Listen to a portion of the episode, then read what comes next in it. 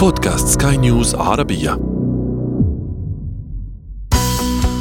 حياتنا.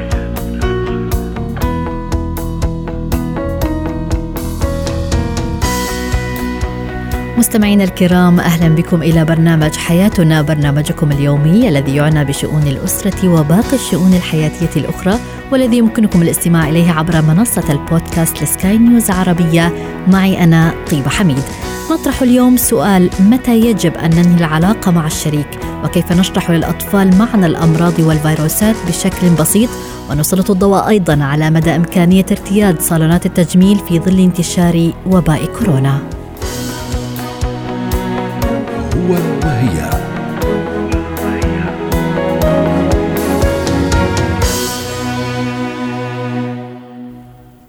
كثيرا ما نرهق أنفسنا في محاولة الحفاظ على علاقة عاطفية مهمة لنا سواء كان هذا في مرحلة الخطوبة أو الزواج حتى لو لاحظنا علامات تنذر بفشل هذه العلاقة. وذلك بالتأكيد لأن إنهاء الارتباط بشخص ما قد يكون امرا صعبا ومؤلما ويتحكم في هذا القرار المصيري عوامل عديدة. وبالتأكيد لا يمكن ابدا تعميم قاعدة محددة في هذا الأمر ولكن هناك عوامل جوهرية. إذا افتقدتها أي علاقة تصبح الاستمرارية معها صعبة للغاية. للحديث اذا عن الأسباب والوقت الذي يجب أن ننهي عنده العلاقة تنضم لنا استشارية العلاقات الزوجية الدكتورة عزة حامد زيان. أهلا بك دكتورة عزة، يعني في البداية ما هي أبرز السلوكيات أو المؤشرات التي تدل على ضرورة إنهاء العلاقة مع الشريك؟ أهلا وسهلا ومساء الخير مساء النور. تعالوا نتفق بس إن فترة الخطوبة دي المفروض وبقول المفروض تكون من أجمل الفترات بين الطرفين لأن الحقيقة أحيانا ما بتكونش قوي كده والمفروض تكون قمة الحماس اننا نكمل الجوازة ومقبلين كده على الحياة بكامل طاقتنا لأننا لسه ما تحملناش أعباء ومسؤولية الجواز والبيت والعيال. بس طبعا ده ما يمنعش إن إحنا أحيانا بنلاقي بعض المشاكل اللي ابتدت تبان وخصوصا خصوصا لو طولنا فترة الخطوبة شوية واللي لازم على فكرة نراعي إنها تطول عشان نفهم ونعرف هنتجوز مين وهل صفاته وأهدافه وطباعه متوافقة معايا ولا لأ. جميل. لكن زي ما قلت كده في مشاكل في فترة الخطوبة بتعدي وعلى فكرة في مشاكل بتعدي عادي جدا لأنها طبيعية. لازم نختلف لأننا في الأصل مختلفين كأشخاص وأهداف وطباع بس في مشاكل ما تعديش. ولو لقيناها نقف ونلف ونرجع تاني ونحط نقطة كده وما ينفعش نكمل اذا ما هي هذه ال- المشاكل دكتورة عزة؟ طيب آه سريعا بس أقول إن في مشاكل بسيطة ممكن في وجودها آه تكمل الجواز عادي يعني عشان برضو ما نخضش المخطوبين عندنا أول حاجة المشاكل المادية البسيطة يعني والخلاف على الشبكة والشقة والمهر والقايمة. لو لقينا حلول وسط بتعدي عادي جدا. بشرط إيه؟ خلوا بالكم بقى. بشرط إن أنا ما ألاقيش الطرف الثاني مادي أو استغلالي أو غير مقدر للظروف المادية. دي أول حاجة. تاني حاجة برضو ممكن تعدي كده المشاكل المترتبة على الغيرة. ونتفق إن مشاعر الغيرة مشاعر محترمة جدا. ودليل على الحب. ودليل على إن أنا شايف الطرف الآخر عنده من المميزات كده ما يجذب الآخرين. لكن المشكلة هنا خلوا بالكم إن الغيرة دي بتزيد وبتوصل للشك. كمان ثالث حاجة بقى المشاكل العادية وبقول العادية بين الأسرتين لأن آه، أو حتى أو حتى خلينا نقول ما بين أحد المخطوبين والأسرة كمان أو أسرة الآخر. لأنه في الغالب بتبقى آه، آه، طبيعية جدا لاختلاف عادات وتقاليد وثقافات الأسر. ولكن المشكلة الأكبر إمتى؟ لما بتعدي أو يعدي الخلاف حدود الاحترام. رابع حاجة كمان خلينا نقول تدخل الأهل في تفاصيل معينة في ترتيبات الجواز بيعمل حقيقي مشاكل بين المخطوبين. وخصوصا لو كان الأهل من الشخصيات المسيطرة وطبعا لما ده بيزيد بيدينا مؤشر خطر فيما بعد دي الأربع حاجات دول عاديين جدا ومشاكل عادية وبتمر ولكن يعني يجب أن نعمل على تفهم هذه ال- المشكلات إذا ما بالضبط. ما مررنا بها. ماذا عن بالضبط. المشكلات التي لا يمكن تجاوزها؟ آه تعالي بقى ندخل في المشاكل اللي حقيقي لما بلاقيها على طول بقول الجوازة دي مش نافعة ومش لازم تتم. اولا لما بيكون في عدم احترام. ودي النقطة الفاصلة في علاقة الخطوبة وعلاقة الجواز كمان على فكرة. لأنها مش بتأثر بس على الزوجين لا دي بتأثر على أسرة بكاملها بما فيها الأطفال طبعا. تاني حاجة مشكلة عدم الثقة. أحيانا بنلاقي واحد من الاثنين ما عندوش أساسا ثقة في حد. مثلا اتعرض لظروف معينة في حياته خلقت منه إنسان فاقد الثقة في الناس بشكل عام. أو برضو كمان ما ننكرش إن أحيانا عدم الثقة في الخطوبة لأننا لسه مش عارفين حقيقة بعض فما عندناش مبرر للثقة. لكن المشكلة الكبيرة بتكون قدام شخصيات غير واثقة أصلا في الناس.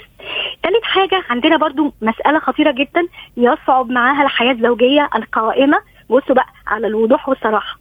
الخطيب الغامض اللي أنا بسميه الخطيب ال password اللي بعد كده بيتحول بعد الجواز للزوج ال password اللي الزوجة ما تعرفش عنه أي حاجة خالص. يعني الزوجة بتحس إنها خارج حياته وخارج حساباته. عندنا كمان مشكلة عدم م. التقدير ودي فيها حاجتين. عدم التقدير الشخصي للطرف الثاني وقيمته أو عدم تقدير ظروفه المادية أو الصحية. في كمان كمان عندنا مشكلة خطيرة جدا جدا جدا. عدم تقبل العيوب في الطرف الآخر. المسألة دي مهمة ليه؟ يعني مثلا بيجي لي مخطوبين بقول لهم من فضلكم ركزوا في العيوب لأن دي هي اللي هعيش معاها وأسأل نفسي سؤال مهم. هل أنا متقبل العيب ده ولا لأ؟ جميل. لأن في عيوب قاتلة ولكن قاتلة دي بالنسبة لمين؟ لأن اللي أنا شايفاه عيب ممكن غيري يتغاضى عنه أو ما يشوفوش عيب أصلا. مثلا عايزة أديكم مثال. زي الخطيب البخيل. البخل عيب قاتل ولكن بالنسبة للخطيبة الكريمة ولكن خطيب مناسب ومميز جدا جدا بالنسبة للخطيبة البخيلة. عندنا لو عندنا وقت عايزة بس أقول عيوب قاتلة في الشخصية لو لقيتها آه، أقصر المسافات وأنهي الخطوبة وابتدي أدور على شيء جديد. ما هي هذه العيوب؟ لو أنا لقيت شخصية لا تلتمس الأعذار يعني زي ما بنقول كده واقف على الواحدة زي ما بيقولوا. أو الشخصية التي لا تقبل الاعتذار وصلحها تقيل كده مش سهل. عندنا كمان الشخصية التي لا لا تعتذر ابدا حتى مهما أخطأت. كمان عندنا شخصية كذابة غير صريحة وغير واضحة وكمان عندنا اخدم بقى بالشخصية المتشائمة والناقدة والناقمة دي هتخلي الحياة أسرية جحيم جدا وتحولها لكآبة واكتئاب وأعوذ بالله من الكآبة والاكتئاب وأخيرا طيب. بتمنى لكل المخطوبين دكتورة عزة يعني كيف أه. يمكن أن ننسحب من هذه العلاقة بأقل الخسائر سريعا؟ طيب اولا بالاحترام بالاحترام يعني حتى لو قررنا إن إحنا ننهي العلاقة ننهيها باحترام. وتعالوا نقول إن إحنا في وقت ما بننهي العلاقات سواء خطوبة أو جواز ما بن ما بندورش على إن إحنا يعني تعالوا نقول إن إحنا الأسر بتدور ماديا الأول. آه هخسر إيه وأكسب إيه؟ ولكن تعالوا نقول إحنا كأشخاص هنكسب إيه؟ وبرضه نتفق إن إحنا مش لازم نكسب كل المكاسب المادية ومش لازم كمان نخسر كل الخسارة المادية. فنتفق نخسر إيه ونكسب إيه لأنه بعد كده ده هيأثر علينا فيما بعد. نعم. آه أخيرا بس عايزه أختم وأقول إن أنا حقيقي من قلبي بتمنى لكل المخطوبين حسن الاختيار ومساءكم كلكم جميل. شكرا لك الدكتورة عزة حامد زيان استشارية العلاقات الزوجية. زينة الحياة.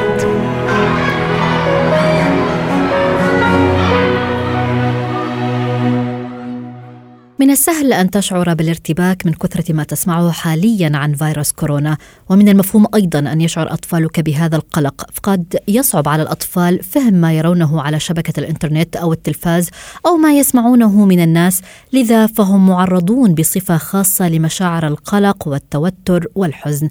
اذا كيف يمكن للآباء التحدث مع أبنائهم حول الأمراض وانتشار فيروس كوباء كورونا؟ هذا ما سنناقشه مع ضيفتي الخبيرة التربوية الصحفية هبة شركس. أهلا بك أستاذة هبة. يعني الأطفال يسألون عادة أسئلة مباشرة وقد تكون صعبة حول ما سيحدث. مثلا هل سأمرض؟ متى سأذهب للمدرسة؟ كيف يمكن للأهل الإجابة على هذه الأسئلة وأبلاغ أطفالهم بكل تطورات من دون إثارة الخوف؟ آه هو طبعا أول حاجة لازم على الأهل إن هم يعملوها إن هم كمان يكونوا شاعرين بالأمان. لأن لو الأهل مرتبكين ولو الأهل متوترين أو عندهم هلع أو عندهم فزع من الموقف فالمشاعر بتتنقل للأطفال قبل الكلام. فإحنا لازم محتاجين نطمن نفسنا في الأول محتاجين إن إحنا يبقى عندنا ثبات انفعالي محتاجين إن إحنا آه نظهر أمام أبنائنا وإحنا متماسكين وعارفين محسسينهم بالحزم وإن في فعلا خطر لكن في نفس الوقت إن في آه جانب من الطمأنينة والثقة آه بربنا سبحانه وتعالى والثقة إن إحنا قادرين إن شاء الله إن إحنا نعدي الأزمة والموقف. بعدها يعني المشاعر هي اللي هتتنقل الأول قبل ما نبدأ نقول الكلمات. بعدها هنبدأ نكلم الطفل ونخليه هو يبدأ يستنتج. يعني نقول له تعالى نحلل الموقف نطور عنده مهارات التفكير التحليلي شوية. طيب إحنا ليه مش بنروح المدرسة؟ يعني نرد على أسئلته بتساؤلات تخليه هو يفكر ويصل للإجابة بنفسه. جميل. إحنا إيه اللي مقعدنا من المدرسة؟ فمثلا إحنا قاعدين علشان العدوى. طيب انت في مرة تعديت من حد من صحابك في المدرسة؟ طب إيه اللي حصل لما تعديت مثلا ورحنا للدكتور وخفينا؟ في إمكانية إن الناس تخف؟ مفيش مشكلة بس العدوى المرة دي ممكن عدد كبير يتصاب. طيب انت تفتكر إمتى ممكن نروح المدرسة؟ هو هيوصل لاستنتاج إن لما يبقى ما فيش عدوى فبدل ما نديله توقيت إحنا بنديله حدث هيحصل بعدها ممكن تتغير الحياة أو نرجع لحياتنا الطبيعية اللي كنا عليها. فالطمانينه والأمان النفسي اللي موجود عند الأهل هو اللي بيتنقل الأول قبل الكلام. الطريقة الثانية أو الأسلوب الأهم إن إحنا نثير التفكير عند الطفل ونخليه هو اللي يصل لاستنتاجات مش إحنا نديله إجابات تكون جاهزة لأن عقله مش هيستوعب الإجابات الجاهزة لكن هو اللي يولد الإجابات داخليا ده هيكون أفضل وأريح. جميل. يعني هل يمكنني مثلا شرح الأعراض لطفلي في حال سألني مثلا ماذا لو أصابني هذا الفيروس؟ ممكن جدا أقول لابني تعالى نشوف إيه اللي موجود على ال social media حوالين الأعراض ونشوف مين اللي من الكلام ده حقيقي ومين اللي مش حقيقي. أخليه برضو كمان هو يبقى عنده رؤية ناقدة للحاجات اللي موجودة. أو أنت سمعت إيه؟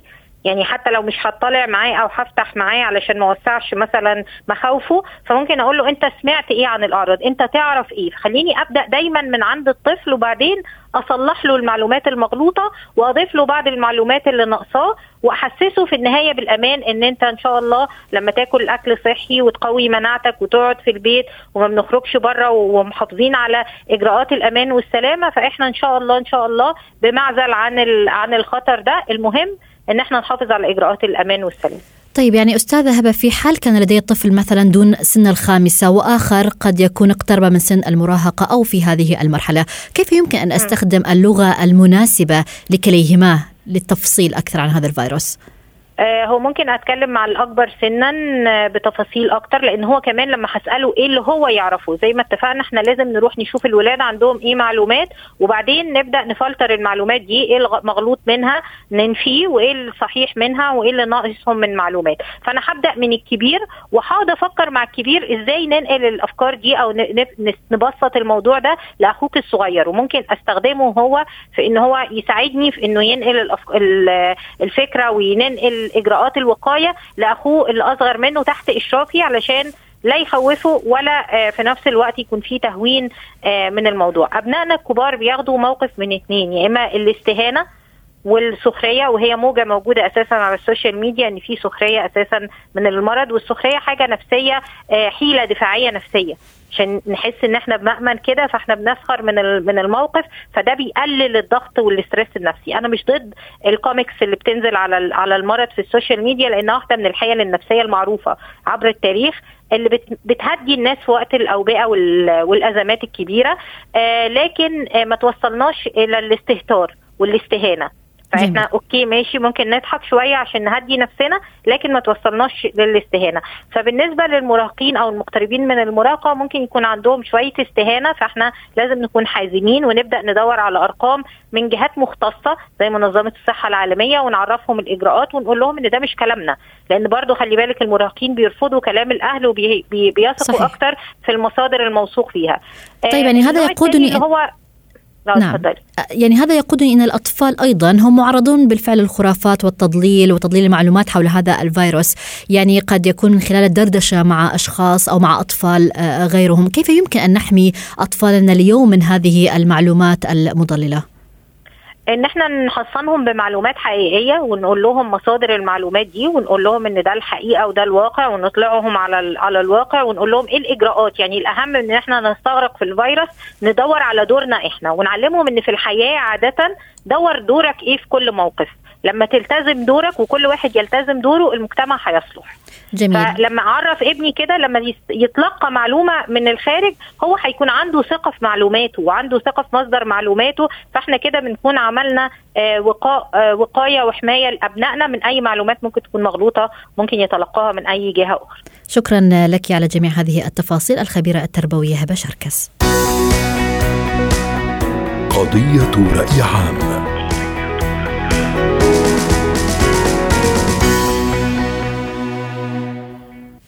أصبح الذهاب إلى صالونات الحلاقة أو التجميل هذه الأيام مع انتشار وباء كورونا يشغل بال الكثيرين في دول عدة في العالم سواء كانوا زبائن أو أصحاب هذه الصالونات.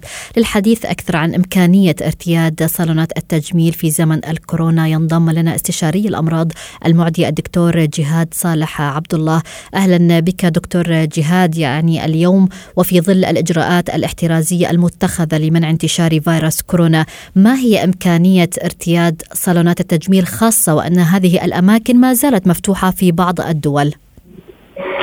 بصراحة يعني لا أنصح بها لأسباب التالية. أول سبب أنه في بيكون تقارب بين الزبائن. هذه يعني ممكن المرض إذا كان أحدهم آه، عنده العدوى. الشغلة الثانية أنه هناك تقارب بين المقدم الخدمة بالصالون والزبون أو الشخص.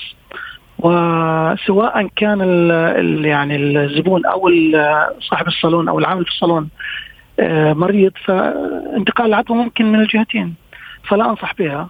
وكما معروف إنه انتقال المرض يتم عن طريق الرذاذ التنفسي بالعطس أو السعال ووصول الرذاذ إلى الأنف الفم أو العينين أو عن طريق لمس آه، سطح آه، كان عليه الرذاذ ومن ثم لمسنا لعيوننا أنفنا أو فمنا. وهذا يمكن يحصل بالصالون ببساطة مع كافة الإجراءات يعني. يعني حتى مع اتخاذ الإجراءات اللازمة من لبس الكمامات مثلا وتعقيم الأدوات؟ بصراحه لا يوجد ضمان كامل لهذا الإجراء لسبب معين. حتى لو أنت لبست الكمامة أنت معرض إنك تمسك سطح في أو جسم أو طرف آه، مثلا طاولة كرسي آه، في الصالون أو عند يعني مكان السبا أو الاظافر وتلمس عينيك أو فمك. أو حتى لو الرذاذ التنفسي من العطاس أو من السعال قد يصل إلى عينيك لو حتى أنت لابس الكمامة. فبشكل عام أعتقد شخصيا الدول اللي اتخذت قرار بوقف هذه الأماكن إغلاقها اتخذت قرار في مصلحة المواطن. جميل. طيب يعني في حال ذهب البعض لهذه الصالونات هل هناك من إجراءات مثلا يجب اتباعها قبل الذهاب هل يعني ممكن أن تقيهم من الإصابة بهذا الفيروس أو تقلل نسبة الإصابة مبدئيا ما في ضمان يعني بشكل عام لأنه لا تضمن الشخص اللي بيقدم لك الخدمة سليم أو لا أو الشخص اللي يجلس جوارك سليم أو لا. لأنه ممكن يكون عنده أعراض خفيفة سعله خفيفة أو عطاس آه، غير متكرر. آه، ممكن يلمس سطح الطاولة أو الكرسي وأنت تلمسه بالغلط. آه، مبدئيا يعني إذا إذا أصر الإنسان وكانت هذه أولوية عنده يعني عدم لمس أي سطح أجنبي يعني تعقم إيديه تماما عند لمس أي سطح آه، يعني بجانبه. آه، الكمامة بس كمان الكمامة كما قلت لك لا تقي تماما. فتعقيم اليدين باستمرار وتجنب القرب من الآخرين وهذا طبعا في الصالون صعب جدا. نعم. شكرا لك على جميع هذه التفاصيل. استشاري الأمراض المعدية دكتور جهاز صالح عبد الله حياتنا.